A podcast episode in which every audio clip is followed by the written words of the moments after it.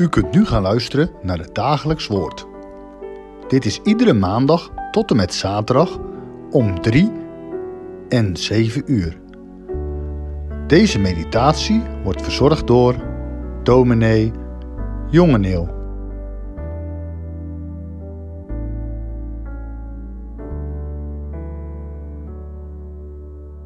Goedendag, luisteraars. Ook vandaag vervolgen wij de lezing uit 1 Korinthe 15. Ik lees aan u voor 1 Korinthe 15, vers 53 tot en met 55. Want dit vergankelijke moet zich met onvergankelijkheid bekleden, en dit sterfelijke moet zich met onsterfelijkheid bekleden. En wanneer dit vergankelijke zich met onvergankelijkheid bekleed zal hebben, en dit sterfelijke zich met onsterfelijkheid bekleed zal hebben, dan zal het woord geschieden dat geschreven staat: De dood is verslonden tot overwinning. Dood, waar is uw prikkel? Graf, waar is uw overwinning? Deze overdenking is bedoeld voor woensdag 29 april. De woorden zijn echter van een paar dagen geleden. Het is vrijdag 24 april. En ik schrijf deze woorden in de loop van de ochtend tussen de bedrijven door. Die bedrijven zijn deze vrijdag niet vrolijk. De ochtend begint met een telefoontje van een familie. Zij melden mij dat hun vader donderdagavond gestorven is. Zijn begrafenis heeft ondertussen, terwijl u deze overdenking beluistert, al plaatsgevonden. Niet lang daarna gaat opnieuw de telefoon. Goedemorgen, zeg ik, nadat de vrouw aan de andere kant haar naam genoemd heeft. Voor ons geen goedemorgen, zegt ze. En ze vertelt dat de artsen geen middel meer weten tegen de kwaal van haar man en dat in het ziekenhuis zijn dossier gesloten is. Niet veel later bel ik zelf een andere vrouw, omdat de schaduw van de naderende dood alsmaar dieper en donkerder over het leven van haar man valt.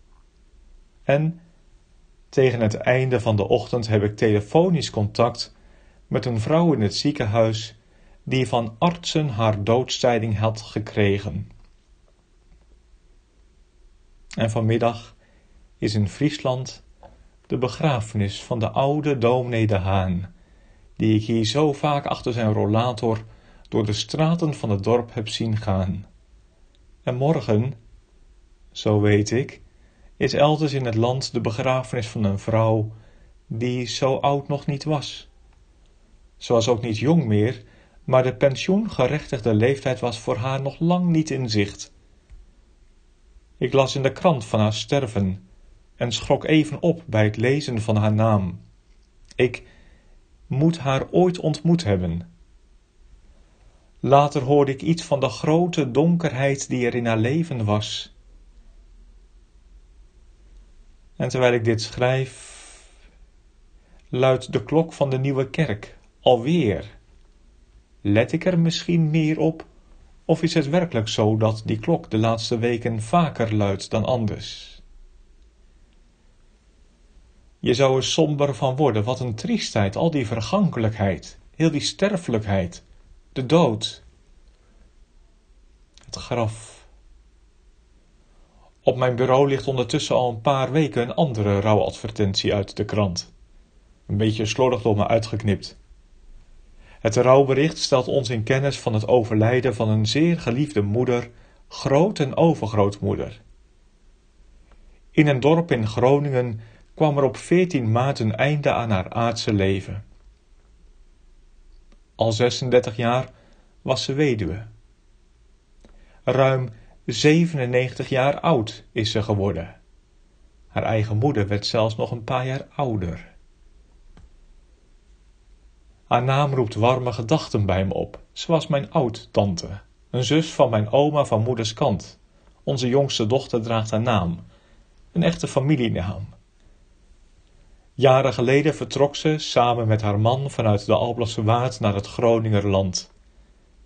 Wij zagen haar echter geregeld, want ze logeerde regelmatig bij mijn opa en oma. Een echte boerenvrouw was ze, meen ik. Maar ze was ook een beetje een dame, in de goede zin van het woord. In mijn beeld had ze iets edels. Ze was gewoon, maar ze had ook iets voornaams, iets statigs. Haar rustige stem hoor ik in gedachten nog, en haar ogen zie ik nog voor me. Van achter de glazen van haar bril keek ze je recht aan met heldere, wijze ogen. Ze moest het nodige meemaken. Het sterven van haar man. En van haar vier kinderen stierven er twee, twee volwassen zonen, op het alleronverwacht. En er was meer leed. Ik herinner mij hoe wij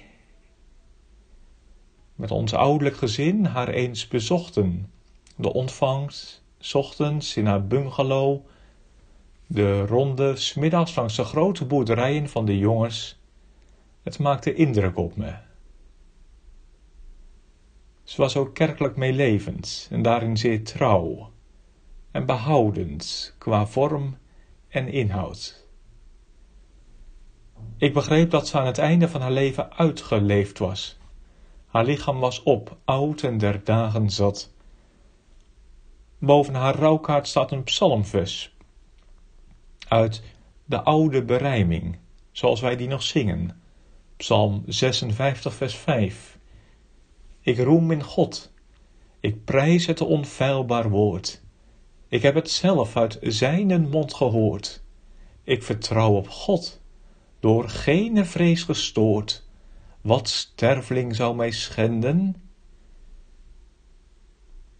Voor wie dat zingen kan, is de angel eruit, de prikkel weggenomen. En wij wachten op de dag dat dat volkomen en voorgoed zal zijn, de dood verslonden tot overwinning. En mogen die verwachting ondertussen ons leven in het hier en nu reeds inkleuren. Mogen dat gewerkt worden door de naam van Jezus Christus en door zijn weg en werk en door zijn heilige geest. Dat wens ik toe aan al onze zieken en bedroefden en beproefden aan allen die op de een of andere wijze lijden onder alles wat met het coronavirus te maken heeft. Aan allen die leven in het land van de schaduw van de dood. Ja, aan een ieder die dit hoort. Ook mijzelf wens ik dat toe. Want die hoge uitroep van de apostel, dood waar is uw prikkel? Is mij vaak nog te hoog gegrepen.